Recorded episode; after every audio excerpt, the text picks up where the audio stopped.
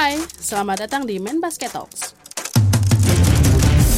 Obrolan santai dan mendalam membahas banyak hal, khususnya tentang dunia basket dan kultur yang ada di dalamnya. Selamat menikmati. Halo semua, balik lagi di Main Basket Talks. Kali ini kita masuk ke episode ke-28. Dan ini nanti bakal jadi Main Basket Talks yang naik di Spotify paling cepet, paling kilat. Jadi setelah hanya mungkin kalau kata editor kita sih mungkin satu jam setelah setelah bikin jadi kita sudah udah langsung naik. Jadi kenapa gitu? Karena kita hari ini bakal ngomongin NBA playoff bareng gua lagi Adrian Darmika dan udah kelihatan di kamera ada Coach Ricky Dwi Tauri lagi dari BBM CLS Knights. Uh, langsung aja kita soalnya playoff nih udah di depan mata nanti malam nanti malam Benar banget. nanti malam jadi nanti kalau udah naik cuma berapa jam lagi udah udah mulai tuh si playoff ya. naik ke jam berapa? Iya. Kalau naik ke jam 11 udah Itu sejam. editor kita nih, tergantung editor kita nih. Yang bener aja dong lu. Lu harus kerja cepat, kerja keras, merdeka, tapi kerja. Eh, eh, langsung aja kita mulai mas ya eh, di kita mau dari bahas dari wilayah timur dulu. Oh sebelumnya mungkin agak ya harusnya semua udah inget lah ya kemarin bahwa Portland Trail Blazers jadi tim terakhir yang lolos ke playoff setelah mengandaskan Memphis Grizzlies sebenarnya jagoan gua tuh awalnya tuh Udah- maksudnya udah sayang tuh. bisa sampai ke 8 lah ya cuma ternyata Itu gagal aja nggak ada satu superstar aja. iya Game seru. ya. game seru tapi yang lebih sedih sih Mas Ricky sebenarnya Spursnya Spursnya nggak lolos bray jauh Spursnya udah gak apa-apa mas next year Nggak, next year enggak lah Udah rebuilding nih, udah mulai rebuilding. iya lah rebuilding udah 22 tahun Spurs lolos ke playoff sekarang udah Hmm. waktunya istirahat dulu bentar Coach Popovic capek mungkin ya dikit lah ya. Eh, kita bakal mulai ngomongin playoff di wilayah timur terlebih dahulu. Eh, di game pertama Milwaukee lawan Orlando Magic. Eh, Mas Bucks sama Magic Mas? Bucks sama Magic ya. sungkan banget ngomong sungkan. Yang pasti ya kalau kalau playoff tahun ini kalau dulu orang bilang kan selalu apa pun kejadian di regular season gitu Hmm. nggak ada ngaruhnya karena di playoff itu pasti kosong-kosong. Mhm. Dan saya rasa itu paling tepat di playoff tahun ini. Hmm. Kenapa? Karena ini tahun pertama pertama kali gitu Iya. mungkin playoff nggak ada home court advantage. Iya pertama kali benar pertama kali dalam Nggak sejarah ada home court advantage. Iya Oke, yang jadi uh, virtual uh, Fans. spectator itu Iya. emang dipilih salah satu tim pasti Nah, ya benar, kan beneran. benar. Jadi kesannya emang salah satu tim didukung lebih lah dalam tanda kutip gitu.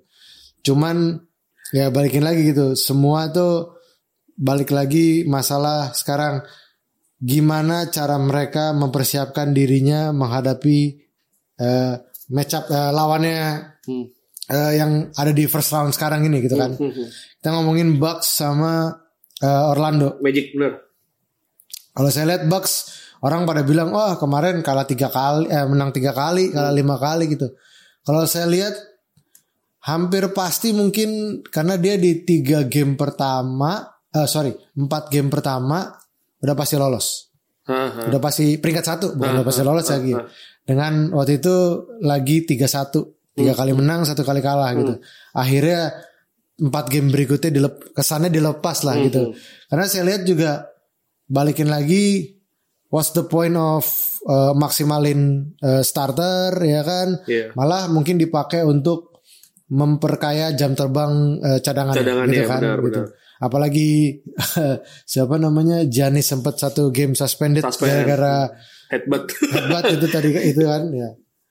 Jadi saya yang saya lihat itu eh, kalau emang kalian semua pada lihat eh, podcast kita di dua sebelumnya, Adrian pernah bahas kalau di playoff ini balik lagi coach Bud Iya. di tes. Apakah dia mumpuni sebagai coach yang bisa berbicara banyak di playoff. benar benar. Kalau berbicara banyak di liga ya dia udah buktiin itu udah ya. buktiin. Udah di, di times ya di Atlanta Hawks. Hawks, dia bikin nomor satu. Hmm. sekarang di Bucks dua tahun berturut dia bikin eh, juara eh, apa namanya regular Hmm. gitu peringkat satu gitu.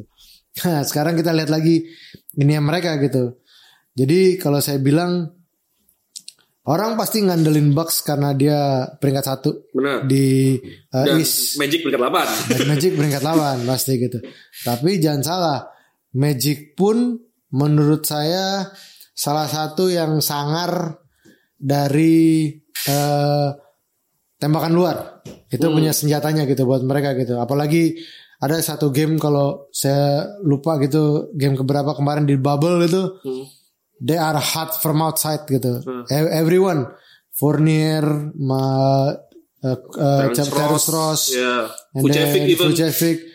ya mereka nggak punya salah satu defendernya John Isaac Ya. karena cedera gitu. Tapi saya rasa masih banyak yang bisa gantiin dia gitu. Hmm. Setuju sih gue. tapi ada ada mungkin yang sedikit bakal bakal jadi pertanyaan itu gimana Milwaukee ini si Bucks eh, kita tahu dia eh, menang eh, dua tahun berturut-turut jadi pemuncak klasemen NBA bukan wilayah timur doang NBA. Tapi di bubble jadi gua sama Mas tadi sudah sempat ngobrol bahwa we will not put uh, regular season stats gitu. Jadi kita bakal pakai bubble stats. Kenapa? Karena ini benar-benar beda banget dari regular season. Mereka break 4 hampir 5 bulan terus mereka mulai lagi ya ini season baru sebenarnya. Ini season baru 8 game kemarin itu 8 game pertama mereka di season baru ini dan statistiknya untuk Milwaukee Bucks sorry itu sih ternyata sangat buruk gitu. Untuk seorang tim peringkat satu di NBA gitu. Bahkan uh, efisiensi field goal mereka ada di peringkat 10, turnover mereka cukup gede, turnover mereka uh, peringkat 18 dari 22 tim. Jadi ya PR besar banget di Milwaukee Bucks dan Giannis kemarin udah sadar dan cukup katanya sekarang kondisinya katanya frustration frustra- frustrated. Jadi katanya timnya cukup pusing dengan apa permainan mereka. Tapi ya we'll see lagi uh, karena Magic sendiri bisa dibilang up and down-nya kuat banget nih tim. Jadi kalau naik naik banget, down-nya nggak tanggung-tanggung gitu. Eh, Karena juga tadi benar udah diomongin Mas Ricky bahwa Jonathan Isaac cedera uh, for the rest of the season. Jadi mereka nggak punya uh, satu adalah defender, yang kedua adalah uh, inside present ya. Ya, Jadi kuat banget sih ini karena meskipun we all know Nikola Vucevic uh, adalah center, dia sekarang lebih main ke pick and pop gitu sih, lebih di luar gitu. Jadi uh, pekerjaan pekerjaan rumah Magic lebih jauh lebih banyak sementara uh, Milwaukee Bucks lebih ke sebenarnya lebih ke kebalikan performa ya Mas ya, kebalikan performa. Kalau langsung aja kita nggak pakai sungan-sungan kalau prediksi Mas. Prediksi skor lah langsung. Kalau Skor, skor, ya, skor. yoi, skornya berapa nih Milwaukee Orlando? Saya Yang lolos pasti Bucks nih. Eh, kalau saya sih kalau ditanya pegang mana ya, saya pegang Bucks ya. Iya. Dalam arti lebih mengunggulkan gitu. Tapi kalau saya lihat skor, saya bilang sepertinya 4-1 sih. Nggak, nggak bakal sweep ya. Gak bakal sweep sih. Gak Tadi bakal sweep. hari ini gue baca di mana ya? Kalau nggak Bleacher atau mana ya? Lupa gue yang bikin bikin itu. Bikin itu ada yang Prediksi. sweep sih. Sweep ya. Iya, tapi kalau gue sih sama kayak Mas Ricky sih. Kayaknya bakal ada satu atau dua game maksimal lah. Nggak mungkin game seven sih menurut gue. Kalau game 7 Nggak kayaknya kecil banget sih. Iya, nggak mungkin game bukannya, seven sih. bukannya meremehkan merendahkan ya, benar, benar banget. PR banget soalnya emang. Jadi ada ada ada gap berasa kalau nanti akhirnya eh, gini saat si Magic tuh punya do- dua guard eh, yang sering main minute play-nya banyak adalah Markel Fultz Hmm. dan DJ Augustin. Yap. Dua-duanya minusnya saling mengisi minusnya. DJ Augustin eh, kita tahu pemain salah satu paling kecil sekarang kayak di Ya. NBA ya. Jadi begitu dia ada di lapangan, uh, present utamanya dia adalah three point dan uh, Mengatur apa? serangan. mengatur serangan. Benar. Tapi saat defense dia bakal jadi titik lemah, bakal di uber tuh. Apalagi Bucks punya Eric Bledsoe dan uh, Josh Hill atau nanti kalaupun main di situ bisa jadi Pat Connaughton atau Dante DiVincenzo yang Ya benar. unggul gak hanya unggul size, unggul atletism. Itu bakal PR banget kalau yang main DJ. Nah, saat mereka geser ke Markel, defense mereka uh, even bisa nyamain tuh sama empat main katakan empat guard Iya. Milwaukee Bucks. Tapi Markel nggak bisa three point. Mereka bakal bakal PR banget. istilahnya ditinggal lah kasarnya Iya, gitu. sama kayak biasanya jaga Ben Simmons lah. Di Iya, tinggal lah iya. udah lu shoot shoot aja gitu. Ya kalau masuk ya udah, kalau udah masuk besar tiga beruntun baru akhirnya tuh ada ada yaudah ya, ya Penyesuaian. ambil ambil ambil Benar, gitu. Nah itu jadi makanya itu salah satu uh, penyebab kita kenapa mikir bakal bakal ada Bucks yang menang sih. Geser ke next uh, di bagian yang sama Indiana Pacers lawan Miami Heat. Ini yang bakal penuh dengan heat, bakal penuh dengan heat di prediksinya, bakal bakal panas nih. Kalau Mas Riki gimana lihatnya Mas? Kalau waktu kemarin gitu saya sempat ngobrol sama teman-teman saya gitu pada memprediksi eh, waktu itu kita prediksi bukan final NBA tapi kita prediksi final wilayah. Ah, Saya di East, saya pegang Miami Heat ketemu Toronto Raptors. asik, asik. Terus orang tanya gitu. kenapa kenapa Miami Heat Toronto Raptors? Kenapa nggak Bucks gitu? Ah, ah. Karena eh, balikin lagi ke sebelumnya gitu yang saya pikir satu Miami ini lagi klik terakhir-terakhir eh, berapa game terakhir habis itu eh, Spoelstra dengan pengalamannya di playoff dan eh, champion itu dan eh apa ya saya saya bilang tuh Miami tuh lumayan deep Yap. gitu lumayan Setuju deep dari segi eh apa namanya eh, Bench dan itu ya. bench dan kalau saya nggak salah mereka sehat-sehat semua ya Sehat ada, semua. kecuali, oh, Derek kemarin. Jones yang kemarin. Derek Jones itu ya. Derek Jones kemarin ada masalah. ah itu sayang Iya. itu mah nggak Padahal kayak main kelihatannya kayak gitu doang ya, tapi ternyata parah banget ya. Kayak uh, gitu ya ternyata ya. itulah bedanya menurut saya itu size Size ya. Iya. iya. goganya Gede. itu kalau dibilang moving screen menurut saya small ya dalam Small arti banget, kayak iya. sedikit banget geraknya. gitu tapi yang nabrak lidi Iya. iya. Derek Lidi- tuh loncatnya tinggi tapi badannya Iya, kurus bener gitu. banget. Dan dan emang itu seremnya gitu kan. Hmm. Eh, ya balikin lagi tadi itu Eh, kecil ketemu yang lebih muscle gitu keras gitu ya. Akhirnya harus diangkut pakai stretcher dengan Iya, akhirnya tadi gue udah keluar kan nggak salah deh pengumumannya Iya. cederanya gimana gitu. Tapi ngomongnya sih several several days sih. Jadi Iya. Belum tahu juga Derek bakal main atau enggak. Tapi tanpa Derek pun sebenarnya udah cukup deep ya mas ya. Iya. Soalnya kemarin late, uh, late edition mereka adalah Andre Godala, Jay Crowder, benar. Solomon Hill. Wah itu solid banget, Sayang. solid banget. Dan uh, di bench mereka juga masih punya Myers Leonard, Iya. uh, Goran Dragic juga coming from the bench, ya from kan. the bench. Jadi And then masih punya Uh, Olinik. Tyler, Tyler Hero, Kelly, Olynyk. Jadi wow, uh, tim ini bakal serem dan hmm, kalau jagoin Miami Heat sama Pacers gitu. Eh, serunya kalau menurut saya ini dua-duanya dalam bakal mengandalkan speed. Benar, Kenapa? benar, benar. Satu buat Miami eh, kecil-kecil. Haha. Even Bam saya menurut saya itu Undersize eh, ya. undersized Benar. eh, big man gitu Cuma dan six nine kok. ya Iya. segitu benar. Hah.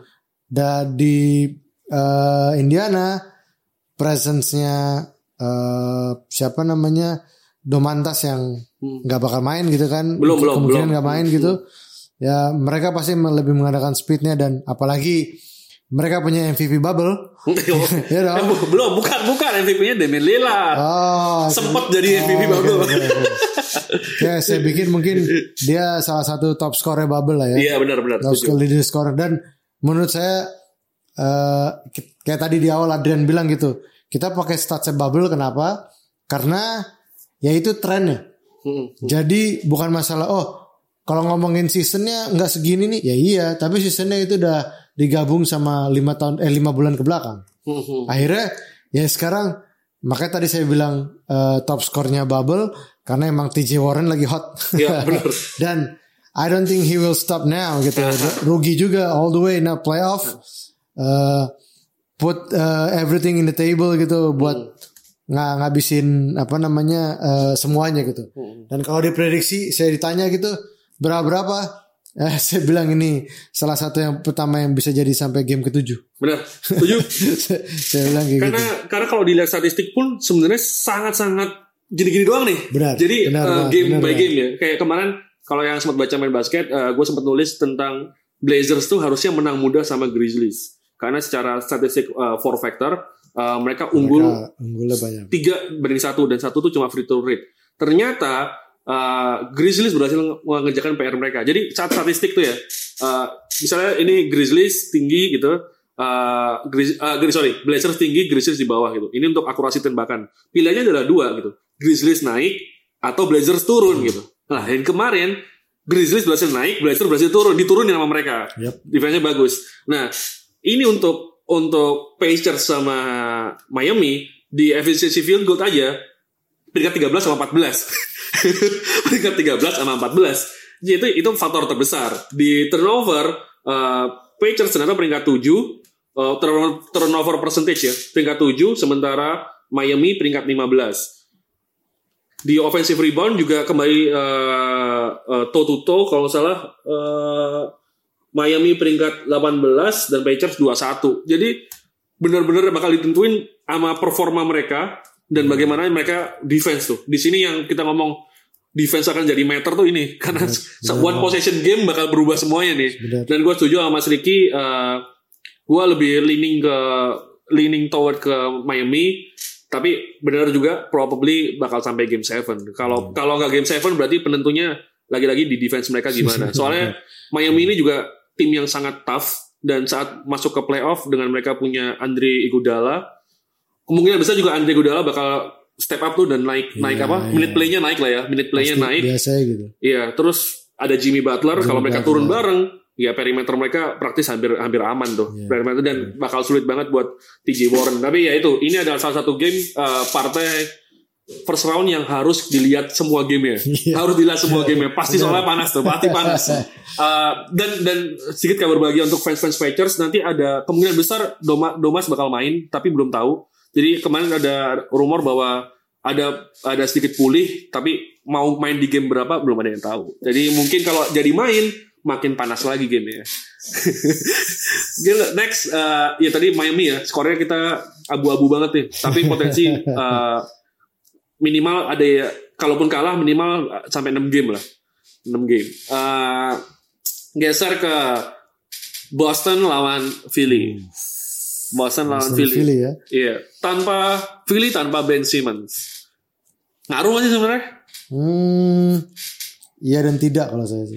Soalnya kalau ini balikin lagi, ini serunya yang satu dominan di eh, small man, which is itu Iya. Boston, Heeh. yang som- satu dominan di big man. benar, benar. Ya saya rasa ada kemarin yang bilang apakah eh, siapa namanya itu Joel Embiid udah habis gitu.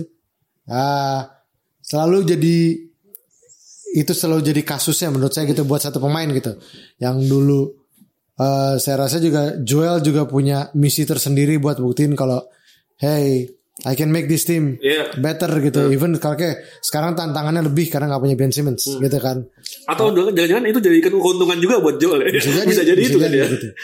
Kalau emang kalau emang yang pasti band gak ada gitu, ya mereka mungkin ulang kurang dari inside presentnya di defense Iya, satu. benar setuju. And then habis itu mungkin di assist Hah. karena band salah satu eh, ini gitu. Tapi saya rasa kita kalau nggak salah di Spotify sebelumnya, eh kita di eh, podcast, Podcast sebelumnya sebelumnya ya. kita pernah ngobrol kenapa Josh Richardson itu nggak main banyak. Iya, iya, iya, Nah, iya, siapa iya. tahu ini jadi blessing in disguise buat dia Benar, gitu. benar, benar. Dia ngisi posisi uh, satu, saya rasa ada waktunya gitu. Biarpun mungkin start bu- bukan dari dari Josh gitu. Misalnya saya ket- Ah. Kayaknya sih biasanya si Shake Milton sih. Nah itu Shaq Milton itu udah jadi ininya dia kan. Iya. Kayak tempat utamanya gitu ya buat buat ininya karena dia punya Uh, uh, three point-nya juga sendiri. bagus. Nah itu dia.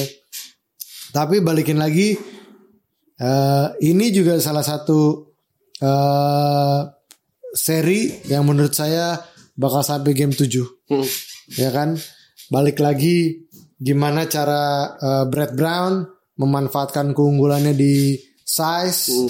habis itu balik lagi gimana ya Brad Stevens. siapa yang nggak tahu Brad Stevens ya memanfaatkan keunggulannya di speed Ini kalau Brad Steven tuh kayak Doraemon sebenarnya. Di kantongnya tuh triknya banyak banget tuh triknya. benar, benar. Parah sih. Kalau iya lihat lihat aja deh. malah malah kalau di Celtics menurut saya tahun ini di di playoff ini pembedanya tuh kalau saya lihat satu Gordon Hayward yang lebih sehat Benar benar. Gitu Setuju gua.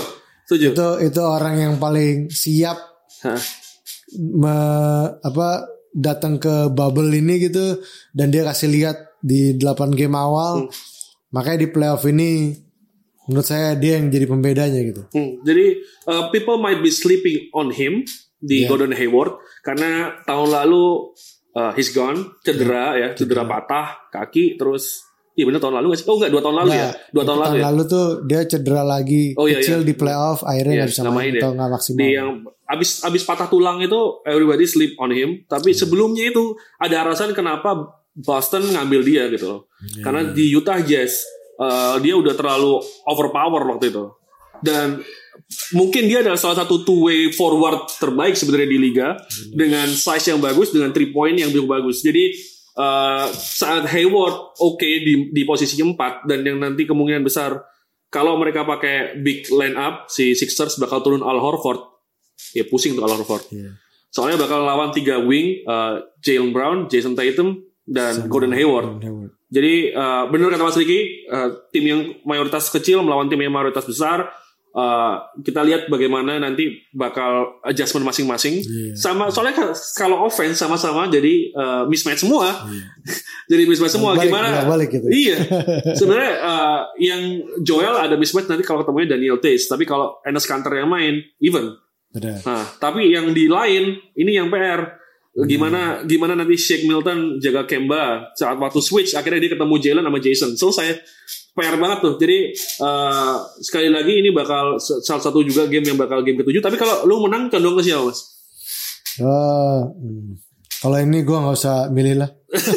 Wah nggak berani milih gimana? gue suka ya? gue suka match up soalnya. Maksudnya, Match keren, ini ya? salah satu gue suka dan dan eh, ya gue sebagai pelatih gitu, Hmm. gue suka cara eh, dua pelatih ini eh, adjust di dalam game. Hmm. Apalagi kalau ya orang tahu dengan orang kita bilangnya ATO ya, Ya, after after time Brad, eh, Brad sorry, Steven.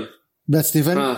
itu bener-bener yang hampir pasti itu jadi Iya. gitu kan Iya. bisa dibilang kayak gitu clutch time uh, game winning shots kayak gitu-gitu Pasti open aja kan? ya gitu gitu ya itu after dia time out makanya. tuh ya itu tadi sesuai nama namanya jadi waktu time out mereka bikin pattern baru tuh Pattern baru. nah itu yang turun waktu baru. inbound play ya inbound play dan Brad Steven is one of the best One in the league best. Saat the after time out kalau gue sih uh, based on statsnya uh, untuk efisiensi field goal uh, Boston Celtics lebih bagus eh Sixers lebih bagus tapi yang lucunya defensive rating Celtics lebih bagus. Ya. Jadi ini tim yang nyerangnya sangat efektif, which is Sixers, melawan tim yang defense-nya cukup bagus, meskipun kecil-kecil, which is Celtics. Jadi saat uh, salah satu itu jadi lebih bagus di satu game, bakal jadi penentu kemenangan. Uh, who knows kalau misalnya Joel Embiid akhirnya kepepet three point-nya lebih bagus, lebih banyak dan akhirnya ternyata masuk, ya that's that's a big problem buat Celtic. Tetapi uh, ya soalnya kemarin sebelum bubble mulai si to Toby to Tobias Harris sempat ngomong ke publik kalau masalahnya Sixers di regular season adalah uh, chemistry bahwa mereka ini gak get along satu sama lain pemainnya. Jadi nggak nongkrong bareng nggak itu bareng. Tapi kemarin di semua yang mengemari Matis Taibel ngelihat uh, vlognya dia uh, Toby berusaha jadi leadernya dan dia Terpaksa berusaha ngumpulin. mancing bareng ya? bener mancing bareng. Terus mereka ngobrolin masalah uh, Black Lives Matter campaign dan semuanya bareng gitu. Untuk dua jam atau hampir tiga jam.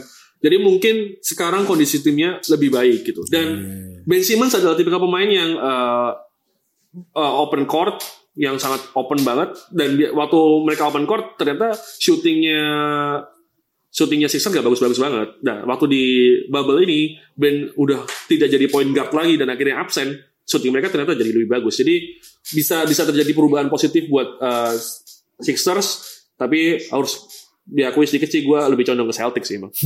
Kalau gue lebih condong ke Mas Riki tadi gak mau milih, tapi bener sama kayak Pacers dan uh, Heat ini bakal jadi game game yang at least 6 game. At least 6 game. at least ya Iya, tapi besar banget untuk jadi 7 game dan ini bakal capek banget sih. karena menurut gua nggak ada home court advantage ini Itu kayaknya PR. ntar semua jadi 7 game ya iya, ini PR banget soalnya. Jadi home court advantage seperti kita tahu semuanya itu ada. Jadi kenapa sempat teman ada yang bahas ya? Si siapa yang bahas kemarin? Oh, Jaren, Jaren Jackson Jr. Uh, dia nge-tweet uh, everybody getting better in this bubble. Terus sempat sebelumnya ada uh, kayak analisa dari beberapa orang bahwa tanpa penonton dengan lapangan yang sama tiap main itu semuanya tuh akurasi jadi lebih bagus. Soalnya udah hafal semua tuh tangannya, sentuhannya jaraknya seberapa. Apalagi background mereka hitam loh. Kalaupun ada pun juga virtual fans kan. Jadi masih terukur dengan bagus. Sementara saat ada penonton ini susah tuh karena penontonnya lagi berdiri apa lagi duduk jaraknya udah beda tuh jaraknya Benar, benar, jadi benar. itu dan gak ada pressure lagi juga gak ada yang teriak-teriak atau apa jadi eh, emang di bubble ini bakal jadi lebih sulit tanpa ada home court advantage dan itu mungkin juga kata Mas Riki jangan-jangan semua game jadi game seven gitu tapi kecuali Milwaukee tadi sih kayaknya harusnya ya itu yang pertama sih Eh, last di East eh, Toronto lawan Brooklyn Hmm. Ah. Perlu dibahas nih. Wait, wait, tunggu, tunggu dulu. Brooklyn tuh, cuk, menang lima kali loh. Benar. Brooklyn tuh, waktu podcast pertama gue bilang hancur nih tim. Enggak pemainnya nggak ada semua loh. Tujuh orang pemain nggak ada. Tujuh orang pemain mereka di musim reguler, ya which is satu nggak main sama they, sekali they, Kevin they Durant. hear you. Iya, kayaknya mereka They kita. Terus ternyata dan bahkan pemain pengganti mereka Michael Beasley yang pengen dimasukin karena kayak ngisi uh, veteran veteran present eh covid juga gitu. iya. Terus akhirnya pulang gitu, diganti sama Justin Anderson pemain jilik yang nggak pernah dia pemain potensial tapi nggak pernah step up lah. Jadi segitu-gitu aja.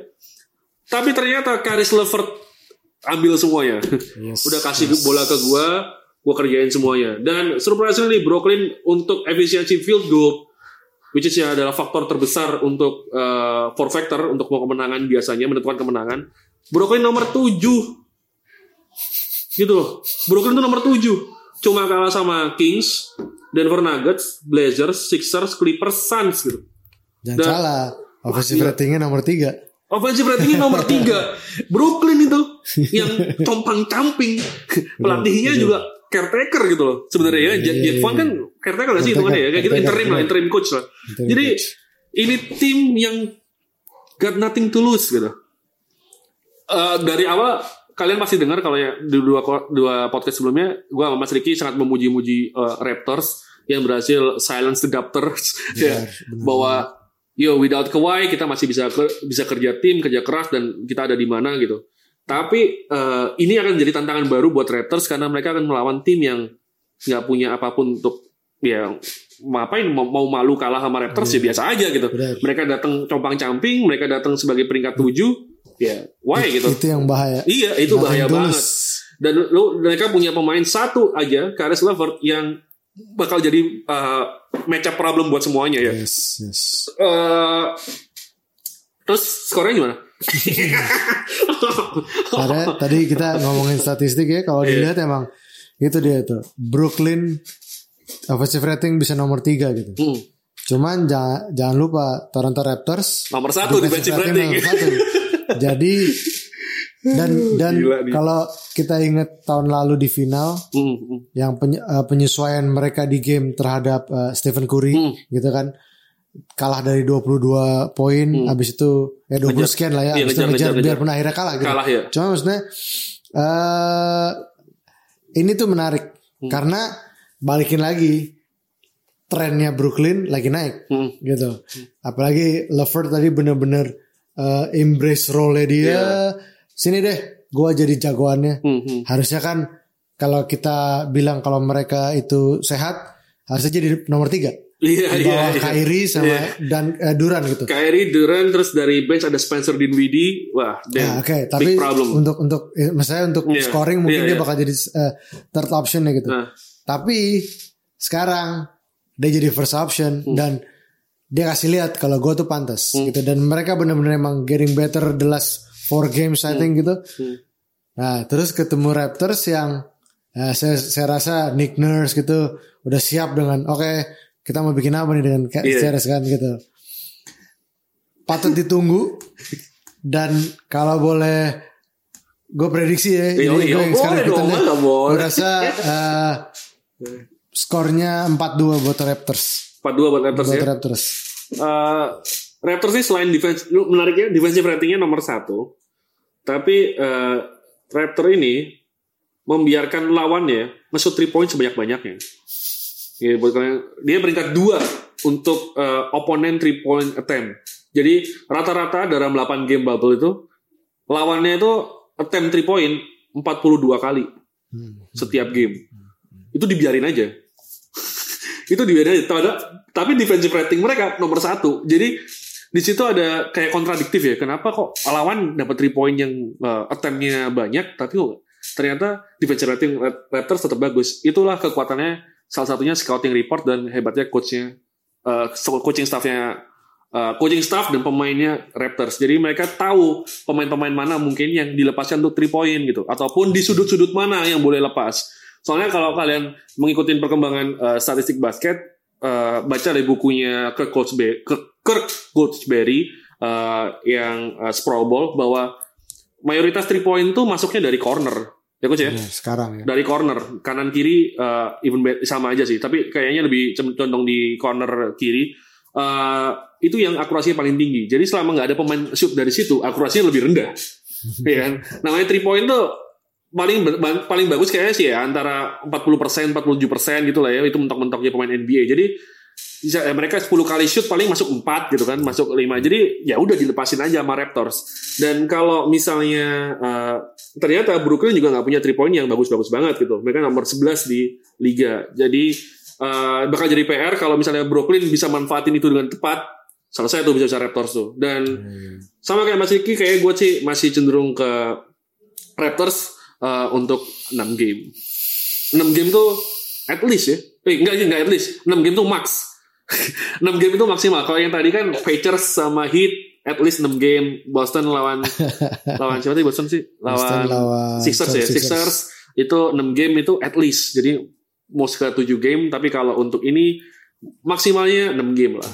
Masih ada perlawanan lah. Atau kalau tiba-tiba Nggak mungkin sweep, kan? gitu. Kayaknya sih enggak sih. Enggak ada sweep kayaknya. Kayaknya sih bener. Kayaknya sih nggak ada sweep sih. Setuju gua. Kayaknya sih nggak ada sweep. Eh, itu tadi di East.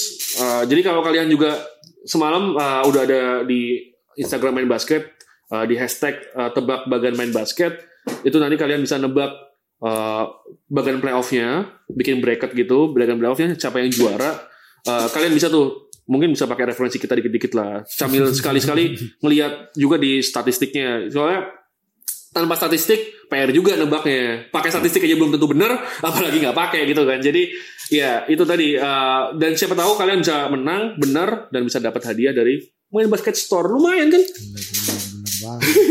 Kita geser dulu ke West tadi udah isinya udah Kita Wes. mulai dari mana nih? kita mulai dari bawah lah dari belakang Dari paling bawah bawah tuh berarti Clippers oh, bener kan paling bawah bisa- Clippers kan Ya nggak Iya. sama aja ya mana pun Oh, ya. Misalnya Clippers lawan Dallas maksudnya. Oke, Clippers oke. lawan Dallas. Oh, Maksudnya ini- bagannya yang di bawah. Jadi kan Iya, muter gitu kayak iya, gitu kan. Clippers lawan Dallas. Eh, Clippers masih diragukan ya Montrezl Harrell main apa enggak. Tapi kemungkinan sih bakal main eh, entah di game pertama atau enggak. Eh, sementara Dallas eh, full team, sisanya juga Clippers full team. Eh, Clippers eh, untuk efisiensi field goal ada di peringkat 2 56%, cuma kalah dari Phoenix Suns yang unbeatable. Iya, Siap Phoenix Suns unbeatable, bro. 100% rekornya. Pusing-pusing dah. Dallas Mavericks peringkat 17. Total turnover eh, Mavericks eh, kecil ternyata, cuma 11 semen- 11%. Sementara eh, Clippers nggak jauh beda, cuma 13%. Mas, gimana mas ngeliat ngeliat match up-nya Clippers lawan Mavericks? Pertanyaan terbesarnya adalah eh, bisa nggak si Luka ngebawa tim ini jauh atau paling nggak paling nggak memberikan ya ada garuk-garuk dikit lah si Clippers lah gitu kan ya. Ya gimana lu Luka ya kita mau ngomong apa pun nih dia jago apa jago apa jago apa ini adalah first playoff dia dan baru second year dia gitu loh. Dan dia dengan permainan kayak gini, dengan tim Clippers yang sangat versatile, kemungkinan besar bakal dijaga kalau nggak Paul George, uh, Atau mungkin Kawhi, Kawhi langsung. atau mungkin juga Pat Beverly kalau dia misalnya dua orang tuh lagi foul gitu. Jadi PR-nya di Luka menurut gua dan setuju nggak mas? Bener, Terus bener. menurut lo gimana yang match up match up lainnya? Terus kalau kalau gue sih ngelihatnya satu emang eh, suka nggak suka Hmm. Dallas itu start from Luka. Yap. Hampir hampir ya most of the uh, play. Hmm. Biarpun bukan bukan dibilang oh Luka sentris. Ya Ya. ya ya, dan enggak Iya, juga sih. Karena enggak, enggak. karena juga kalau kita lihat kemarin di bubble gitu, Hmm. pas Luka harus sit down, Hmm. ya banyak yang bisa step up. Hmm. Maksudnya uh, playnya tetap jalan, skornya juga tetap jalan gitu dan uh, point guard point guard yang gantiin Luka juga eh, kalau kalian nonton Dallas itu kemarin itu si sorry saya lupa. oh Delon Trey. Burke Oh, Trey Iya, Burke iya, yang iya. step up Hmm. padahal maksudnya saya tahu Burke dari eh, college Kampus. gitu Oh, iya, iya. emang menurut saya itu salah satu king of eh, pick and roll Ah, cuman di NBA ya karena dengan size mungkin Iya, sempat hilang mungkin juga jam lama dia. terbang gitu Iya. kan kesempatan akhirnya ya nggak terlalu mewah gitu Hmm. tapi di last eight games ini menurut saya dia kasih lihat gitu apalagi kalau nggak salah di game kedua apa game ketiga itu dia bikin three point no miss Iya, iya. ya kan Iya. maksudnya benar-benar kasih lihat itu gitu Hmm. nah tapi kalau dilihat dari statistik juga jangan lupa Dallas itu di West paling banyak kemasukan Hmm. masalah itu itu, Defense-nya, itu. loss. Ah, Dallas. Bebas lu mau ngapain. Kalau kita eh, tahu gitu salah satu game yang paling memorable menurut saya tuh waktu ketemu Lillard. Mereka Iya, ada iya. leading lumayan jauh. And then tiba-tiba di quarter keempat Ketemu Rockets juga sih. Iya, sama. Rockets ya. juga Ah. kayak gitu ya. Di quarter keempat juga tiba-tiba on fire. Ah. Rockets juga sama persis. Persis, di, persis. Di di Rockets itu malah Sisa 5 menit. si eh, siapa namanya? Eh, nomor 33 eh Oh, shooter Covington, Covington. Covington Nah, itu kosong dari 9 apa kosong dari 10 Iya. three pointnya. Nah. Ini tiba-tiba three point paling terakhir yang bikin seri masuk and they goes to overtime kan. Iya. Ya gitu gitu gitu. Jadi Dallas tuh oke banget eh, di awal-awal tapi suka kecolongan kalau di akhir-akhir eh, apalagi kalau close game gitu. Bener. Itu yang jadi PR ya buat mereka gitu.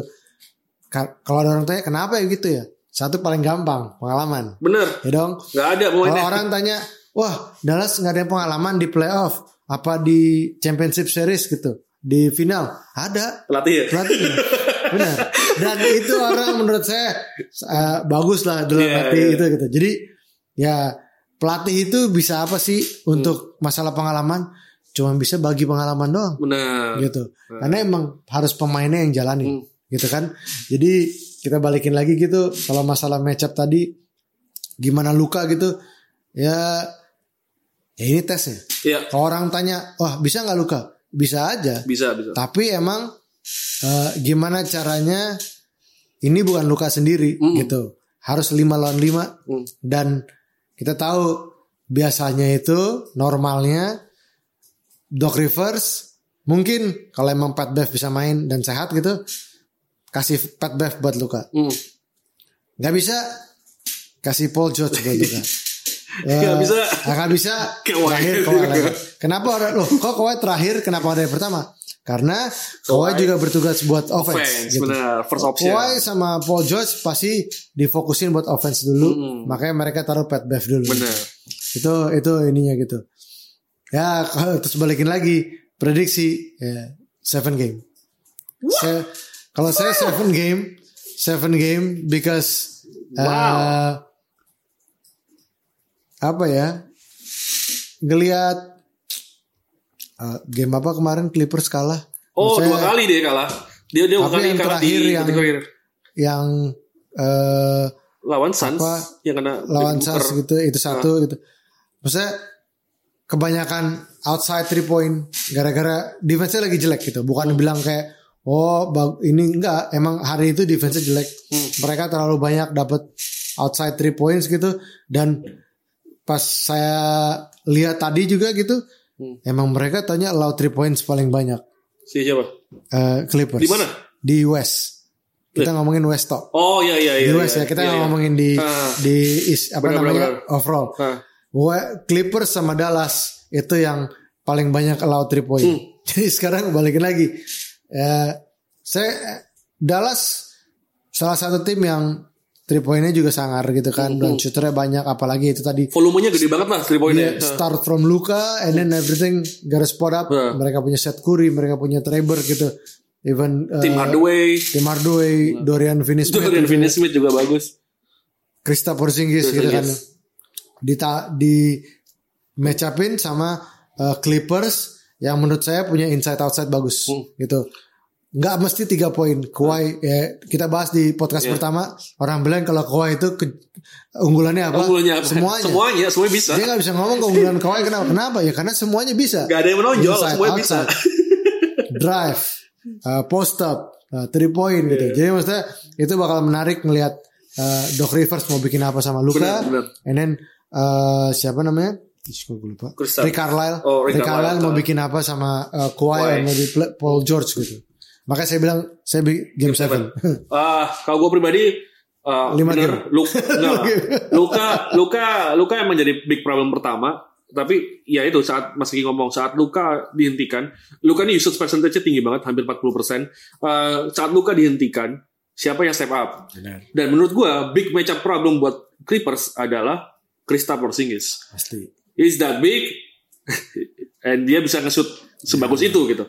Dan Dan mereka nggak punya gitu, nggak punya defender itu gitu. Ya, ya, Ivica ya, ya. Zubac tuh ya masih belum lah gitu, masih Inside presence. jauh banget Bukan ya di outside. inside gitu. Jadi kemungkinan besar menurut gua nanti kita bakal lihat Dallas Mavericks main spread 5 menurut gua ya. Iya, Bakal main spread 5 uh, Dorian Finney-Smith, uh, Tim Hardaway, Seth Curry sama Kristaps Porzingis bakal di luar 3 point semua, Iya. nunggu Luka ke mana gitu. Nah, tinggal nanti Luka bisa nggak menang one on one mereka one on one-nya lawan siapa itu aja. Soal defensive rating soalnya Dallas paling paling jelek kedua di di liga selama bubble. Jadi uh, tim ini defense-nya memang berantakan tapi ya itu tadi dimanfaatkan dengan uh, mereka berusaha main open court, three point banyak, ini banyak ya. Uh, menurut gua satu masalah terbesar adalah uh, ini bukan masalah untuk Dallas Mavericks ya, mas- masalah untuk semua tim di West dan nantinya di liga adalah uh, deep bench-nya Clippers. Clippers.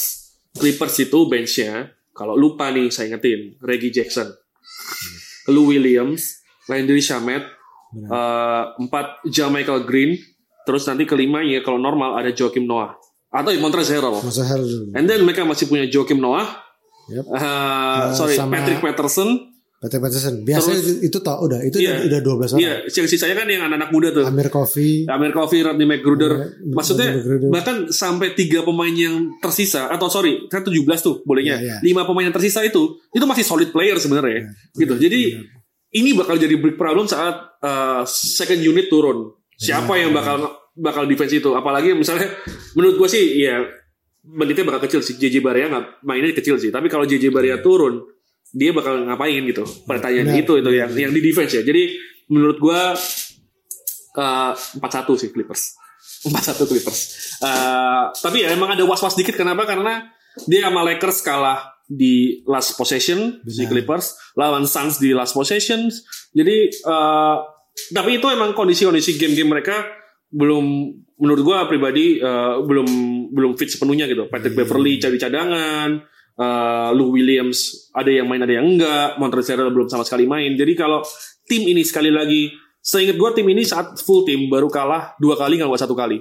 Saat full tim ya, semua ada, Marcus Morris ada, semua ada, itu baru kalah kalau nggak satu atau dua kali. Jadi kalau tim ini full tim, it's gonna be trouble, total trouble buat semua tim di NBA. Uh, 4-1 kalau gua Mas Egi 7 game serah dia. 7 game. ya, tujuh game. 7 game ya. Uh, naik ke Denver Nuggets dan Utah Jazz yang Oh, surprisingly iya. Denver Nuggets ini ternyata adalah tim dengan defensive rating terburuk selama di bubble. Benar, Tapi benar. satu kejutan hebat di Denver Nuggets di bubble ini adalah akhirnya kita ngelihat uh, ternyata bukan ternyata bukan Sixers ya tim paling tinggi di NBA itu ternyata adalah Denver Nuggets tim paling tinggi di NBA. Jadi uh, Denver menurut gua ada di peringkat kalau nggak kedua, ketiga untuk uh, bench present menurut gua. Ini tim sekarang bahkan bisa dibilang sejak uh, bol-bol keluar, Michael Porter Jr. keluar, makanya punya tiga tim deh. Dia kayak punya tiga tim sebenarnya yang bisa turun lima lima lima gitu kayaknya. Jadi uh, itu yang jadi bah- berbahaya. Uh, bukan sekarang pertanyaan bukan cuma Niko Jokic, bukan Nikola Jokic doang. Sekarang udah keluar semua nih, Jamal Murray. And then one person that akan menjadi kejutan nggak kalau nggak musim ini dan musim depan adalah Michael Porter Jr. Pasti, pasti. Kalau ketemu Utah Jazz, Mas, gimana menurut Mas? Kalau ini tuh menurut gue match up seru ya. Seru, seru. Karena ya kayak Jokic ketemu sama Gobert. si Gobert. Hmm. And then habis itu mungkin kalau start gitu kita tahu Utah Jazz nggak ada Michael Conley. Dia Oh iya, anak kelahiran absen, ya. anak kelahiran. Jadi Sama kemungkinan game-game awal. Hmm, Dan menurut saya start tuh penting. bener. Oke, dia mungkin skip dua game misalnya. Tapi kalau dua game itu kalah, Hmm. Kalah, wah. agak berat gitu. Jadi kayak gitu. Satu itu. Dan kalau emang nggak ada eh Conley, hampir pasti tugas bawa bolanya mungkin jatuh ke Mitchell. Mitchell. Heeh. Nah kalau Mitchell yang harus bawa bola, kemampuan scoringnya jadi menurun. Iya. Kalau menurut saya gitu. Atau malah terlalu di dia, menurut saya terlalu eh, riskan gitu, me, membikin dia harus kerja skor bagi bola, skor Iya, bagi bola iya, gitu. iya. Sama Sedangkan, kayak Devin Booker tahun lalu lah. sedangkan di Denver yang gilir dia banyak. Yoi. Gitu. Oke, Mur- mungkin nggak bakal Murray pertama, Iya. tapi dia punya Eh, Craig. Torrey Craig, Benar. and then dia punya Monte Morris. Monte Morris ya. Mungkin kalau di satu kesempatan mungkin bisa ditaruh si siapa namanya eh, Michael Porter Jr. Iya. Dalam Ini arti gilir aja nggak apa-apa. Ini tuh gitu. Gary Harris belum main ya? Gak main ya? Harusnya Gary Harris sama main, Will. Barton gak main ya? nggak main kayaknya. Oh iya iya. Belum ada ini. Tapi kalau tiba-tiba mereka ada pun menurut saya eh, agak susah. Agak susah tuh dalam arti tadi kita ngomongin chemistry. Hmm. Ya dong. They don't play eight games, and then tiba-tiba mereka main di playoff. Me- bukan dan nggak mungkin mereka tuh jadi cadangan. Iya Ya iya. kan iya, pasti iya. punya minute play apa. Ya struggle Hmm. gitu. Tapi kalau saya yang sekarang tuh oke. Hmm. Tapi emang kalau tadi bilang bilang gitu kayak oh eh, di defensive rating paling hancur Hmm. gitu gara-gara itu. Ya kalau saya ngeliat emang pas Jokic nggak ada, Hmm. they don't have shot blockers. Hmm. Shot blockers tuh dalam arti yang emang uh, defend ya Jo- Jokic pun bukan shot blockers. Iya, iya, iya. Cuma dia tinggi aja gitu. Cadangan Jokic di Plumlee. Pun eh, Mason Plumlee pun bukan yang D- kayak big kita defense ngelihat. Hasan Whiteside gitu Benar, ya kasarnya kayak benar. gitu kan gitu. Tapi emang dia big presence inside, Nah. but itu shot blockers gitu. Ah, ah. Jadi kita harus lihat ini saya saya saya lebih eh, tertarik dengan Utah Jazz nih mau bikin apa di game pertama Hmm. karena Conley nggak ada. Hmm. Ya kalau orang bilang oh ada si ini ada si oh benar tapi gimana lo mensiasatinya? Karena once ya salah satu ininya kan let's say one uh, players got foul troubles. Nah, Iya, itu iya. udah merubah chemistry, merubah uh, strategi. Gue mau siapa nih, ya, mau taruh siapa nih. ya. Itu banget ini. Dan dan tim ini juga practically small banget gitu. Iya, Jadi iya. pemain ke posisi empatnya pun Joe Ingles, benar. ya kan? benar, Joe Ingles benar. di ketiga dia naruh Royce O'Neal biasanya, soalnya butuh defense presence kan. Jadi eh, saat Conley pun nggak ada, berarti harusnya yang naik tuh eh, yang pernah ke Surabaya Jordan Clarkson. Benar. Nah kalau Jordan Clarkson naik, benchnya siapa? nah itu lagi. Jadi Karena di, di babak sini deh. Jordan Clarkson itu orang yang step up dari bench ya. Benar, Nah, benar. Jadi itu PR sekali tuh. bench. Itu PR sekali sih di Utah Jazz. Berarti condongnya ke Denver ya. Condongnya eh gue bukan yang ngulang lagi ya, tapi gue condongnya ke seven game. What? Habisnya dengan kita, kita ngomongin kayak tadi gitu, oke kurang di awal, tapi Denver juga jelek di defense. Iya, tapi Nah, offensive ratingnya juga bagus loh. Minus sih tapi sebenarnya. Iya, Net ratingnya minus sih. itu dia makanya. Oh iya, net ratingnya minus nih, minus berapa apa? Itu dia. Kadang- Kadang-kadang kayak gitu Hmm. penting gitu buat buat ininya gitu. Buat kelangsungannya kan. Iya, Jadi iya. kayak gue kayak oh, oke. Ya prediksi sama prediksi. Iya, Tapi gue rasa emang ini bakal balik lagi ke decisive uh, game 7. Hmm, kalau gua sih eh, ke Denver eh 6 game max. 6 game max ya. Ya paling 4 4 1, 4 2 sih menurut gua. 4 2 eh 4 2 soalnya yang bakal jadi pembeda adalah Michael Porter Jr sih menurut gua. Eh ini kayak copycat-nya mungkin Mas Kiki waktu kemarin itu bilang Kevin Durant ya. Kalau gua Ben Simmons with shot sih. Ben Simmons with shot. Meskipun shotnya aneh sih gerakannya, cuma dia tetap masuk-masuk aja gitu. Jadi Michael Porter juga kemarin juga masuk ke All NBA Bubble Team kayak kalau saya. Masuk kan. Jadi tim uh, dia ini lagi dapat kepercayaan diri bagus banget setelah benar. cedera selama itu dan menurut gua nggak ada match up ya. Siapa yang mau jaga Michael Porter Jr. yang kayak kalau nggak six man six ten deh. 6-10. Six ten kan, six ten can shoot gitu. Joe Ingles terlalu kecil, Rudy Gobert udah ada Jokic, siapa gitu. benar. Dan saat uh, menurut gue nanti yang bakal jadi seru juga saat mereka turun dengan uh, Troy Daniels menurut gue. Troy Daniels ini juga lagi on fire selain karena ngevlog on fire-nya 3 point Yeah, spot up shooter shooters-. Ya, saat mereka fokus ke Jokic, Porter Junior atau even Jamal, Mu- Jamal Murray itu ada Tory Craig atau Troy Daniels ini harapan gue Troy Daniels yang ada di corner-corner atau di sayap-sayap mereka yang mak shoot shoot shoot selesai itu itu yang itu yang bahaya banget jadi menurut gue uh, Denver masih terlalu perkasa dan gue pribadi menurut gue dia adalah the biggest dark horse in this tournament now. Menurut gue Raptors harusnya nggak ada masuk sebagai kuda hitam sama sekali. Raptors adalah salah satu unggulan jelas, Iya. tapi Denver ini uh, salah, Salah satu satu kuda hitam. kuda hitam dan uh, ya kita ya gue tahu bahwa kemarin mereka turun dengan big line up itu karena kondisi karena mereka cuma punya sekian pemain. Tapi saat dengan kondisi kayak gini, mereka bisa turun dengan dengan big line up dan main kayak waktu itu is going to is going to be trouble. Mason Plumlee bisa dribble bola dari depan ke belakang. Ya Mas Ricky juga kaget. Gue juga kaget karena di Piala Dunia kemarin gak bisa kayak gitu.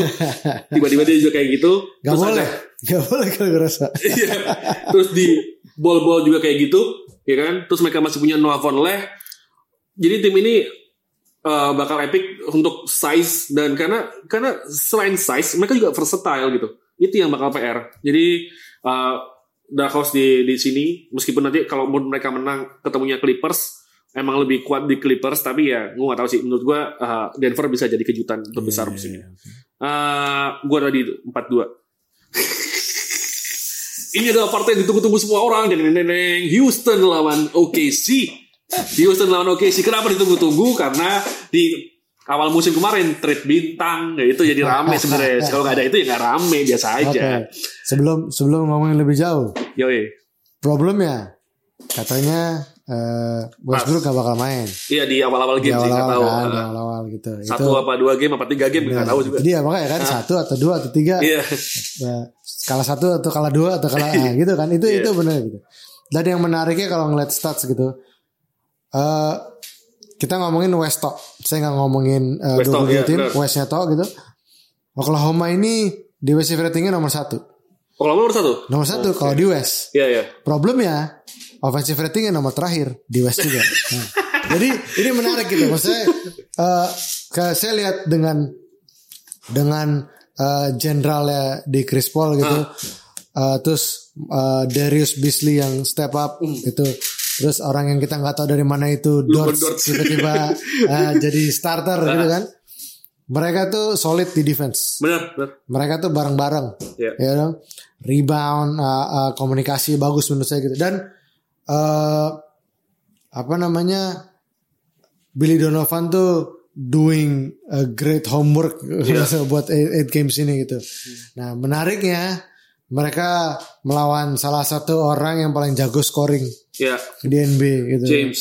James Harden gitu James. Great. itu saya pengen tahu gitu mereka mau bikin apa karena eh, kalau kita ya tahu selama tiga musim Hmm. James Harden Top gitu scorer. top scorer NBA dan banyak tim yang ngasih istilahnya ngasih strategi beda-beda Iya. kalau ketemu dia ya dong. Percobaan-percobaan. ada yang dijarakin Ada yang diarahin- double team ada yang diarahin ada yang diarahin ke kanan. kanan gitu kan ada yang kasih orang tinggi Iya, ada yang kasih benar-benar. orang pendek gitu maksudnya gitu Eh, sah-sah aja itu namanya strategi gitu nah saya pengen tahu eh karena menurut saya kalau starter gitu saya rasa yang bakal diplot buat eh, match up dari awal either eh, SAG Hmm. or Luke and Dort Ah. itu dulu gitu Lu gendor sih tapi. Iya. kalau kita ngelihat eh apa namanya trennya semua tim, saya rasa semua tim di bubble ini Ah.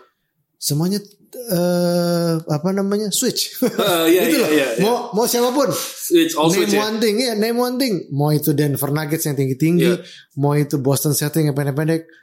Mostly semuanya switch, Ah. gitu. Jadi kayak, eh, oke, makanya saya penasaran gitu.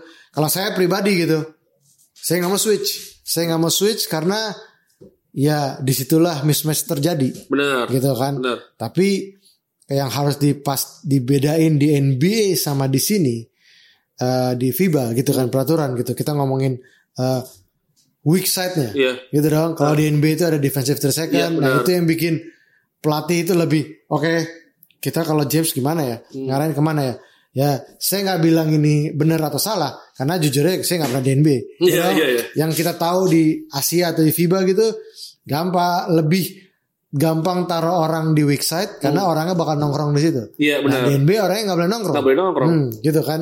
Jadi itu yang menarik banget menurut saya gitu. Gimana eh, strategi Billy Donovan untuk stop Rockets atau James Harden dengan penetrasinya. Hmm.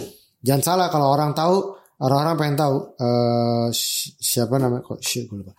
Si pelatihnya Rockets Uh, MDA. Nah, itu idenya cuman dua pilihannya, three point atau attack the baskets. Iya. Udah itu toh gitu. Makanya eh, kalau orang bilang Chris Paul itu nggak cocok gara-gara ngandelin perimeter. Iya.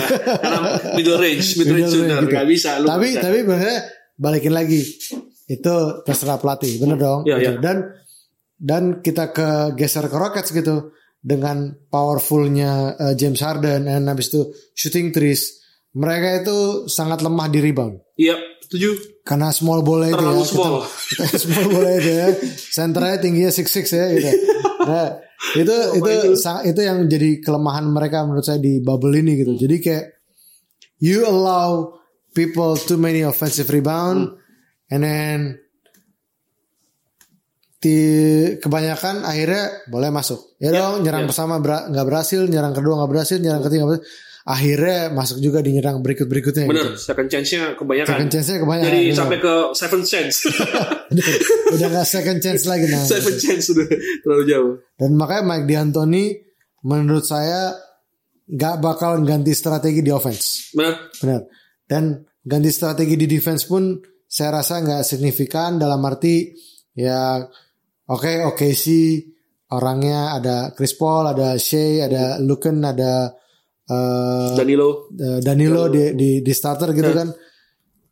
Saya rasa ya bakal seperti biasa dalam arti if you're inside, if the ball inside, Iya, uh, double team, double team, ya gitu. uh. Ball outside, taruh one on one, Hmm. but ya kalau kita lihat balikin lagi tadi tim-tim yang suka ngandelin orang nembak three point gitu kan. Ya up Rockets ini lumayan banyak Sangat banyak. lumayan banyak gitu. Tentang three point ada 30 plus gitu kan. Eh, allowed three point gitu. Tapi ya Oh, low three point-nya. ya Iya, allowed iya, three iya. point, three point gitu kan. Allowed kira point. mereka, time mereka Karena 54 Ya. per game. Karena allowed three point dia tuh di atas 30 gitu. Iya. Ya cuman balikin lagi mereka itu salah satu tim yang ngasih offensive rebound terbanyak Hmm. buat lawannya gitu loh. Menarik itu untuk dilihat eh, Mike D'Antoni mau bikin apa, Hmm. and then Billy Donovan mau bikin apa gitu. Berapa game? ah, mau banget. Berapa game? Aduh, Westbrook main gak? Itu aja gue sih. Iya, iya. PR-nya di situ sih sebenarnya. Iya. Kalau- soalnya jujur aja ya, karena kita lihat dulu James Harden sendiri, menurut saya berhasil berhasil aja. Hmm. Tapi mungkin emang eh, di akhirnya kalah, misalnya gitu. Tapi pernah juga mereka waktu itu ngalahin Clippers. Hmm. Itu juga bergantung sama James Harden, Harden, tau. Zamannya Clippers ada Chris Paul sama Black eh, Griffin gitu. Makanya maksudnya ya, kalau boleh milih, saya pilih OKC 4-2. Oke sih 4-2. Six game. Oke, gue mau komentar juga tentang Rockets, di mana mereka udah eh, mereka ini satu game rata-rata attemptnya 89 shot, 54 ya three point. Jadi eh, menurut gue eh, dengan dengan attempt segitu banyak, otomatis nggak ada pemain yang rebound sebenarnya. Jadi gue tanya, uh, otomatis nggak ada pemain yang rebound dan emang seharusnya nggak ada yang rebound gitu. Eh, dengan kayak gitu sebenarnya eh, satu kunci di untuk lawannya eh, OKC adalah dan apalagi dengan defensive rating terbaik adalah untuk eh, mempersulit three point mereka aja. Eh, tanpa Westbrook nggak ada inside, tidak ada inside eh, drive kecuali dari James Harden. Jadi James Harden di double team pun selesai. Eh, Masalah utamanya adalah di Steven Adams. Bagaimana Steven Adams bakal main apa enggak? Soalnya kan dia bakal jadi mismatch tuh kalau main. Yep. Kalau saat defense gitu. Meskipun defense dia salah satu yang paling bagus, paling solid lah pemain. Iya. Uh, tapi offense dia mismatch juga gitu, menang gitu kan. Ke mana-mana udah semau semau maunya gitu. Uh, ya di situ sih. Uh, masalah utama dari uh, masalah terbesar, keuntungan terbesar dari OKC adalah they not supposed to be here. no one even thought OKC bakal ke sini gitu. OKC bakal duduk di peringkat 5 itu nggak ada satupun yang mikir itu di awal musim. Banyak yang mikir bahwa mereka bakal tanking, ya udah selesai gitu. Chris Paul bahkan dikira nggak bakal pakai baju OKC gitu. Ternyata enggak. Mereka ngamuk. Katakan Mas Ricky, nggak mungkin lah Chris Paul diem-diem aja. And then kayak gini jadinya, mereka nggak punya, iya, sama kayak tadi yang gue ngomong siapa ya, Nothing Tulus tadi ya. Ah, Oh, Nets. Brooklyn. Sama kayak Brooklyn. Mereka nothing tulus. Bahkan lebih nothing tulus dari Mavericks harusnya. Karena ini pemainnya, men. Lu Gonders itu siapa gitu loh. Gak ada yang tahu gitu. Ya, Even even uh, last two games I think Iya. Darius Beasley Darius. Beasley Ya itu, iya si rookie yang itu gue diceritain katanya uh, ke bubble cuman bawa dua pasang sepatu iya bener. gara-gara ketinggalan tasnya Bener. ya. Rookie yang gak kuliah tuh dia langsung main ke eh, percobaan dulu di League terus ma- main. Jadi tim ini nggak harus harusnya di sini dan eh, kalau tanpa Westbrook, menurut gua oke sih menang. Tanpa Westbrook, oke sih bakal menang. Eh, ya padahal semua semua eh, bagian dari main basket tuh fansnya James Harden mas. Buat kalian-kalian semua ya. fans mah apa-apa Buat kalian semua yang tidak suka James Harden di komen main basket, kita semua fans, fans James Harden gitu. Karena terlalu gampang itu mainnya. Jadi eh, kalau James Harden sendiri, menurut gua bakal kalah sih dari OKC. Tapi kalau ada Russell, eh, mungkin bisa sampai 7 game. Tapi kalau nggak ada Russell, selesai sih di selesai bahkan mungkin di 5 game. soalnya 4-1 sih menurut gua kalau nggak pakai Russell. oke oke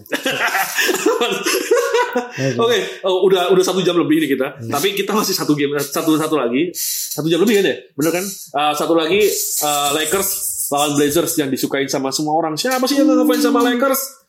Mas Riki, uh, hati-hati kalau mau kalau mau jagoin uh, Blazers, ingat karena bos sampean, uh, Oh, Koi Top iya. adalah fans Lakers. Kita kan rawan, ngomongin prediksi rawan ya, rawan, Kalau- rawan. kalau- Kalau saya kebetulan ngomongin prediksinya dari dari statistik, Statistik juga aja, gitu kan statistik ya. aja, statistik aja. gitu.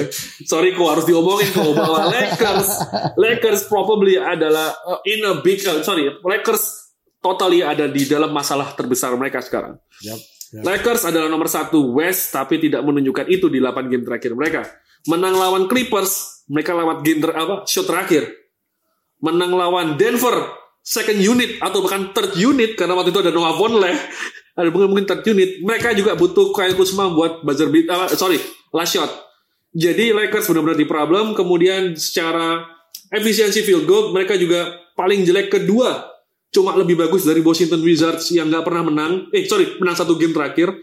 Terus uh, defensive ratingnya juga defensive rating Lakers Oke malah. di peringkat 12 ya ya gitu-gitu aja sih menurut gue dan lawan mereka adalah tim dengan offensive rating terbaik meskipun defensive ratingnya juga nggak bagus-bagus banget gitu Benar. benar. ya defensive ratingnya nggak bagus-bagus banget sih Blazers jadi gini Blazers defensive ratingnya jelek Lakers offensifnya jelek Yap. jadi ya nggak ketemu gitu maksudnya Blazers masih bisa menang aja sebenarnya Iya, asal Lakers nggak naik nih uh, akurasi serangannya Benar. benar. Sementara Lakers butuh pekerjaan besar buat nurunin offensive rating Blazers dan defense mereka gitu. Meskipun defense mereka udah bagus, tapi harus lagi. Ya. Soalnya Blazers nih rata uh, offensive ratingnya adalah 1,2 poin per game. Yap. 1,22 poin per game. Jadi, wah, parah. Dan poinnya mereka itu mayoritas datang dari backcourt. Dan kondisinya Dame lagi sangar. Beuh. Dame lagi gak karuan, boy. Sampai sepatunya kemarin dijual 61 dolar tuh kan buat memperingati 61 poin mereka eh, poinnya Dame. Eh, dan saat kemarin kita lihat di Grizzlies, saat Dame mulai di eh, box one tuh kayak hampir Ya, di ya, box one, and then CJ McCollum datang. Benar. benar. And then Carmelo datang. Carmelo, man. They got so many offensive weapons. Iya, Ka- Lakers tidak menghadapi satu offensive weapon.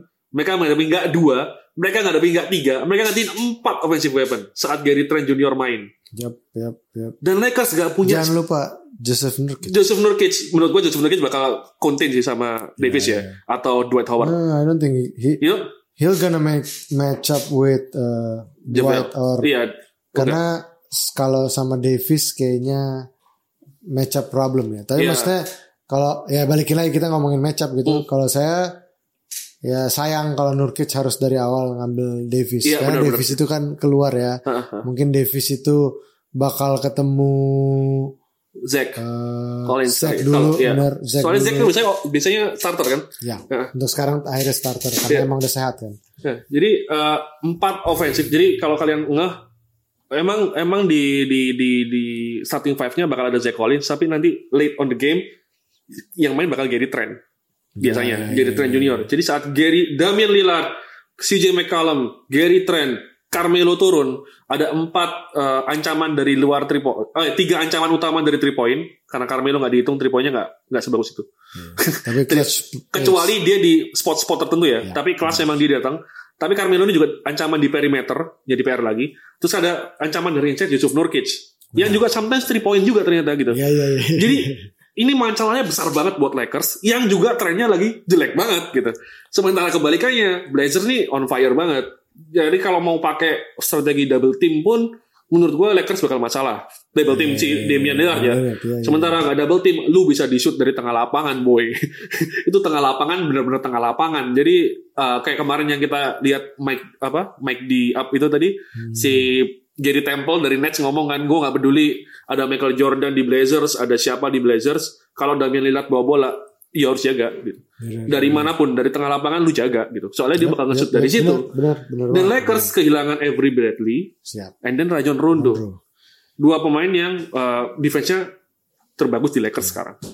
Jadi uh, Lakers gak punya backcourt defense, sementara kuat di front court, tapi uh, front court-nya pun limited sebenarnya. Anthony Davis angin-anginan sekali, Kyle Kuzma pun demikian, LeBron, ya LeBron bakal jadi satu-satunya masalah buat, menurut gue ya, LeBron bakal jadi satu-satunya masalah matchup buat uh, Blazers karena nggak ada.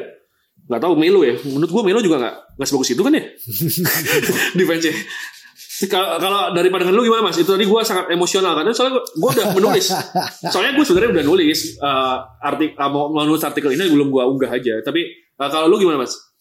Kalau tadi nambahin aja ya, kalau Hmm. menurut saya yang tadi yang dibahas tuh udah Lakers itu bermasalah di konsistensi. Bener. Contoh satu itu game eh, mereka yang terakhir, saya lupa lawan siapa itu. Eh, coba sebentar ya, saya cek biar biar, Hmm. Biar valid, pasti, valid Nah, lah. biar valid ininya gitu. Jadi, hmm, wait up. Alah, kepencet lagi. Game, sorry sebentar kita. Yo, yo, yo. Jadi uh, ini tadi sebenarnya uh, peringatan gue aja buat kalian-kalian yang uh, fans Lakers yang kaget gitu. Itu faktanya soalnya, itu datanya gitu. Nanti uh, terlalu wah Lakers nih Lakers peringkat satu gini gini gini. Ya peringkat satu karena di total sama lima bulan yang lalu gitu. Lima bulan yang lalu Lakers memang bagus.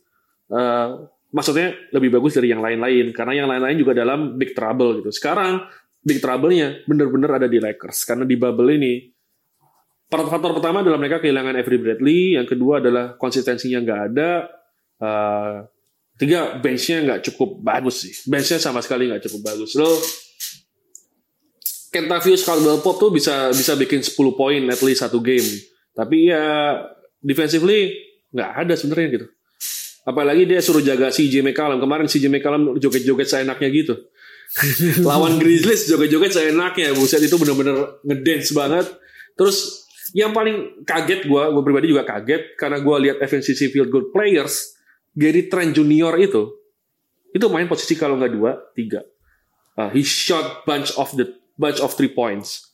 Tapi efisiensi field goal dari Gary Trent Junior adalah 70%. Itu angka setara sama center yang nggak dua poin, eh, nggak pernah three point kayak di Andre Jordan gitu. Itu ya segitu-gitu itu efisiensi field goal-nya. Jadi Gary Trent ini gue gue baru tahu gue baru tahu yang yang pernah ngupload tentang Gary Trent itu cuma Daniel Wenas sih. Jadi dia ngupload tuh, wah keren nih Daniel uh, Gary Trent dan menurut gue Daniel ternyata benar banget sih. Gary Trent ini akan jadi problem kalau nggak di playoff kali ini ya musim depan dia bakal dapat menit yang lebih edan. Mereka Lakers gimana? Oke. Eh, kayak salah satu yang kemarin di ini tuh pas mereka lawan eh, Denver. Bener. Ya dong. Hmm. Itu menurut saya salah satu game bagus ya. Dan Terakhirnya eh, buzzer beater gitu Hmm. menang gitu.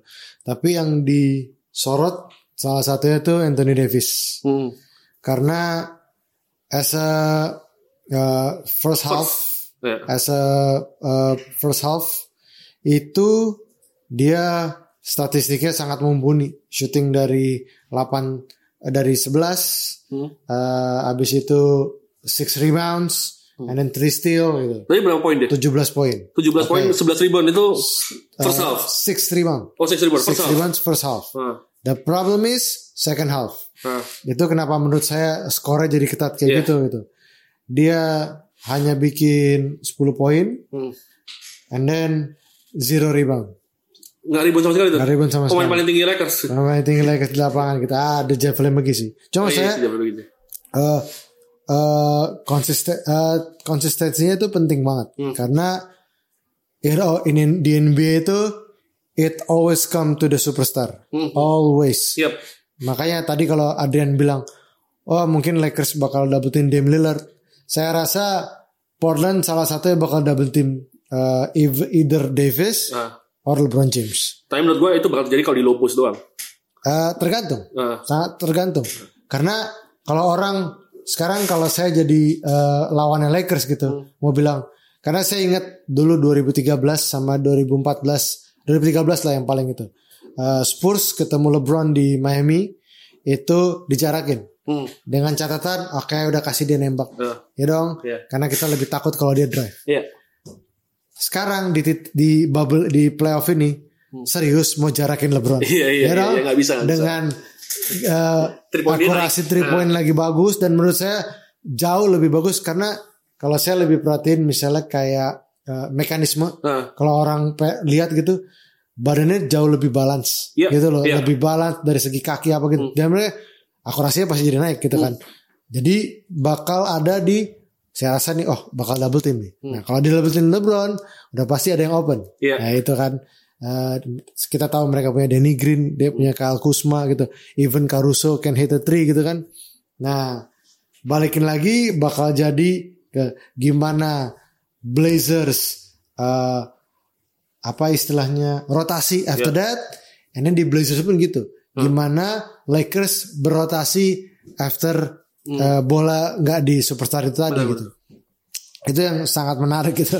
Kalau match up ya, saya rasa eh, Nurkic nggak bakal ambil Davis. Mungkin pertama dia kasih ke eh, Collins gitu kan. Dan LeBron ah kira-kira siapa Evan Melo saya rasa nggak mungkin Gak ada. Makanya gue dari kemarin tuh mikirnya di artikel gue tuh berhenti di situ. Eh, siapa yang bakal match up sama LeBron?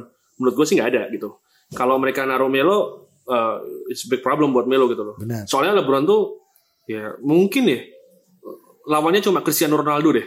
Pemain dengan usia segitu, dengan badan yang masih kayak gitu, geraknya seperti itu gitu. udah Ini udah cross cross bidang ya, cross sport ya. Iya, Jadi di NBA pun menurut gue nggak ada pemain seperti itu. Vince Carter tuh, oh iya, dia masih bisa 360 dunk, iya. Tapi dia nggak bisa drive secepat itu gitu, nggak sekuat LeBron. dan, Jadi dan, dan menurut saya kalau orang bilang eh, menurut saya di umur LeBron yang sekarang Iya. dia itu speednya udah kurang udah Iya, kurang iya, ya berkurang dari dia muda Iya, gitu iya, iya. tapi tetap nggak bisa jaga Benar, karena benar. balikin lagi dengan fondasi yang lebih kokoh, yang kokoh menurut Nah. saya dengan dan gerakannya tuh lebih Efisien. ah, ya lebih efisien gitu kan jadinya ya susah apalagi Iya. itu. Orang yang punya eh, ancaman dari luar. Akhirnya kan people orang kayak gue maju atau gue mundur? Iya. gue maju disikat main gue mundur dia nembak lagi. Hmm. gimana? Itu yang jadi lebih susah gitu. Abis itu eh kalau Caruso misalnya di start gitu kan ya mereka punya eh, CJ sama Hmm. Lillard itu saya rasa eh, bisa tuker-tuker nah sekarang kita balikin lagi siapa yang jaga Lillard dari. Iya. awal Iya. gitu ya tadi kita bilang ya mungkin mereka punya Caruso mereka punya eh, Kayak Cook KCP, Quinn Cook sih kayaknya nggak bakal KCP bukannya cedera Kayak tahu. kemarin terakhir tuh Iya kalau nggak KCP berarti ada Dion, oh iya Dion Waiters gitu. Tapi ya J.R. gua, Smith mungkin nggak? eh, Saya rasa J.R. Smith ya bakal datang dari sih, bench sih. kalau playoff sih main sih dia. Buntu gitu pasti, main sih dia. Dia dia salah satu uh, icebreaker sih. Iya. Yang benar. Ya datang ke terakhir prediksinya gimana? Hmm. Loh. Ini nih nih. Tunggu dulu ya. Katanya tadi sweep Sweep Blazers. siapa? Iya. Iya. Blazer di sweep. oh enggak. Kalau ini saya dari awal juga kemarin pas lihat-lihat ini mah pasti seven game series. Pasti ya. No wonder. Kecuali emang uh, salah satu dari superstarnya menggila just di di satu game gitu. Either itu dari Lakers or either itu dari uh, Blazers yang bikin beda gitu. Hmm. Gitu. Uh, oh, salah satu kerugian the Lakers menurut saya kalau emang uh, masih sama gitu. Mereka nggak ada Lionel Hollins. Oh iya. Itu itu menurut saya uh, penting. Penting Asisten dalam arti ya? asisten pelatih gitu. Karena uh, two set of eyes or three set of eyes is better than two or one set of eyes gitu. Hmm. Dan saya- Vogel punya uh, coach Phil Handy, punya Jason Kidd, Hmm. tapi uh, Lionel Hollins dan menurut saya itu dari defensive side sangat uh, rugi gitu. Berasa ya? uh, Berasa banget harus. Eh, kalau gua sih 4-0. Enggak Nah, lah, juga kan. enggak mungkin kalau 4-0 mah. Eh, tetap masalahnya ada di LeBron. Eh, kalau si gue juga penasaran sih sebenarnya siapa yang bakal jaga LeBron gitu loh. Eh, kemungkinan sih kalau secara size harusnya masih ada Na- Nasir Little ya. Tapi kan Nasir Oh, Little iya, iya. rookie gitu loh. Masa suruh dikasih jaga LeBron gitu pertanyaan. Soalnya kayaknya di bench tuh mereka. Hah? Hensonja. Ya mungkin juga Super Mario ya, Hmm. Tapi ya itu tadi uh, itu bukan option mereka di offense itu. So, ya offense mereka tadi yang udah gue jelasin bahwa uh, Dame, CJ, uh, Gary Trent, Carmelo gitu. Dan Yusuf Nurkic itu harusnya jadi squad utama mereka. Tapi kalau mereka turun, defense-nya jadi match, Nah, match mungkin. problem mungkin. banget Ah, gitu. Tren nggak mungkin dari awal. Iya, karena- emang nggak mungkin dari awal. Tapi maksudnya minute play-nya paling gede gitu. Iya, Nanti iya, iya, ujung-ujungnya iya. gitu. Tapi balikin lagi eh, yang yang menarik gini. Let's say kita ngomongin uh, five starters, Hmm, gitu kan? hmm. Let's say Blazers, uh, Dame, CJ, uh, Melo, Collins, sama Nurkic. Hmm. Saya rasa yang pertama dikasih assignment buat LeBron pasti Melo. Iya. Melo dengan harapan empat lain uh, siap bantu. Hah, Gitu itu tadi. Either mungkin langsung uh, right away double team, Ah. or tunggu dia uh, go inside or apa lah itu. Ini- Oh, gue ada ide lain sih mungkin kayaknya. Kayak ini bakal dilakuin sih. Suruh defense kayaknya.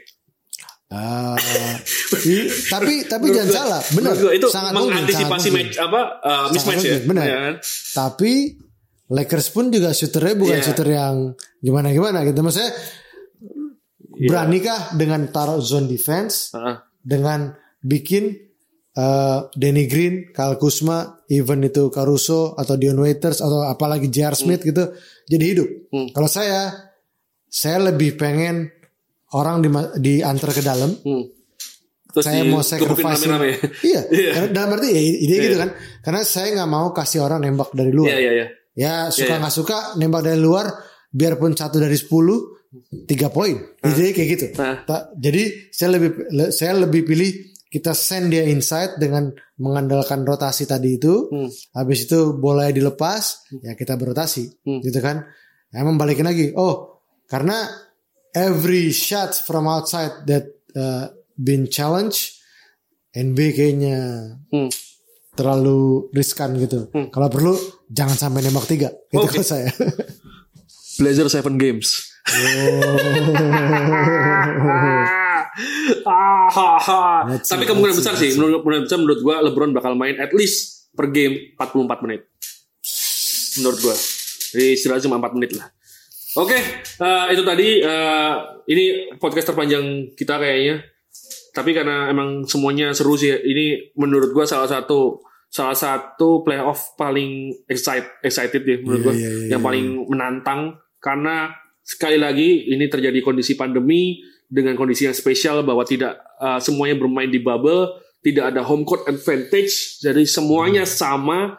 Kemudian cuma punya 8 game untuk persiapan ini dan hasilnya di 8 game itu dua tim teratas Milwaukee Bucks dan Lakers memburuk penampilannya sementara semua tim yang lainnya terlihat membaik. Jadi uh, game ini uh, mungkin benar kata Mas Riki bahwa bakal banyak yang game 7 mungkin. Karena itu tadi semuanya terlalu berubah dengan sangat cepat uh, tidak terprediksi lagi seperti sebelumnya. Jadi uh, ya kurang lebih begitu. Uh, tadi semua udah denger ya. Ya cuma ada uh, menurut gua menurut gua pribadi cuma bakal ada maksimal tiga game. At- ya tiga game yang yang yang berpotensi untuk sweep yakni Milwaukee Orlando uh, Lakers eh sorry uh, Clippers Dallas uh, dan Denver Utah sih. Jadi sisanya sih hampir uh, at least uh, ya lima game itu Rockets OKC tahu tanpa Russell uh, Brooklyn Toronto mungkin 5 game sisanya 6 itu paling dikit lah 6 tuh paling dikit tuh 3 game tuh Oke, ya oke. Oke, eh, begitu saja dari kami di play, eh, di podcast kali ini. Eh, sekali lagi gue ingetin eh, saat podcast ini naik kalian masih punya beberapa jam sebelum eh, batas akhir untuk ngepost eh, taga tebak bagan main basket di Instagram kalian. Jadi nanti kalian nebak siapa yang juara. Nanti kalau ada multiple yang juara, misalnya nebak nih yang juara adalah Brooklyn Nets gitu. Ternyata ada enam orang yang Brooklyn Nets semua. Nanti kita lihat ke belakang tuh berapa skornya yang benar. Kalau skornya benar, nanti kita pilih tiga pemenang. Eh, pemenangnya dapat hadiah semua dari main basket store. Tapi kalau yang ternyata nggak ada yang benar, ya ya udah mau gimana lagi kan ya. Ya ini adalah season yang hebat berarti bahwa semua tidak bisa ditebak gitu. Tadi sih udah masuk eh, beberapa dan mayoritas sih milih kalau nggak Lakers Clippers juaranya. Tapi kalau gua kan prediksinya Blazers langsung ya. Jadi ya gitu deh.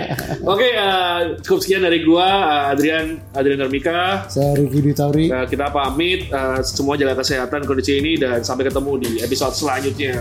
Big Ya. Trust.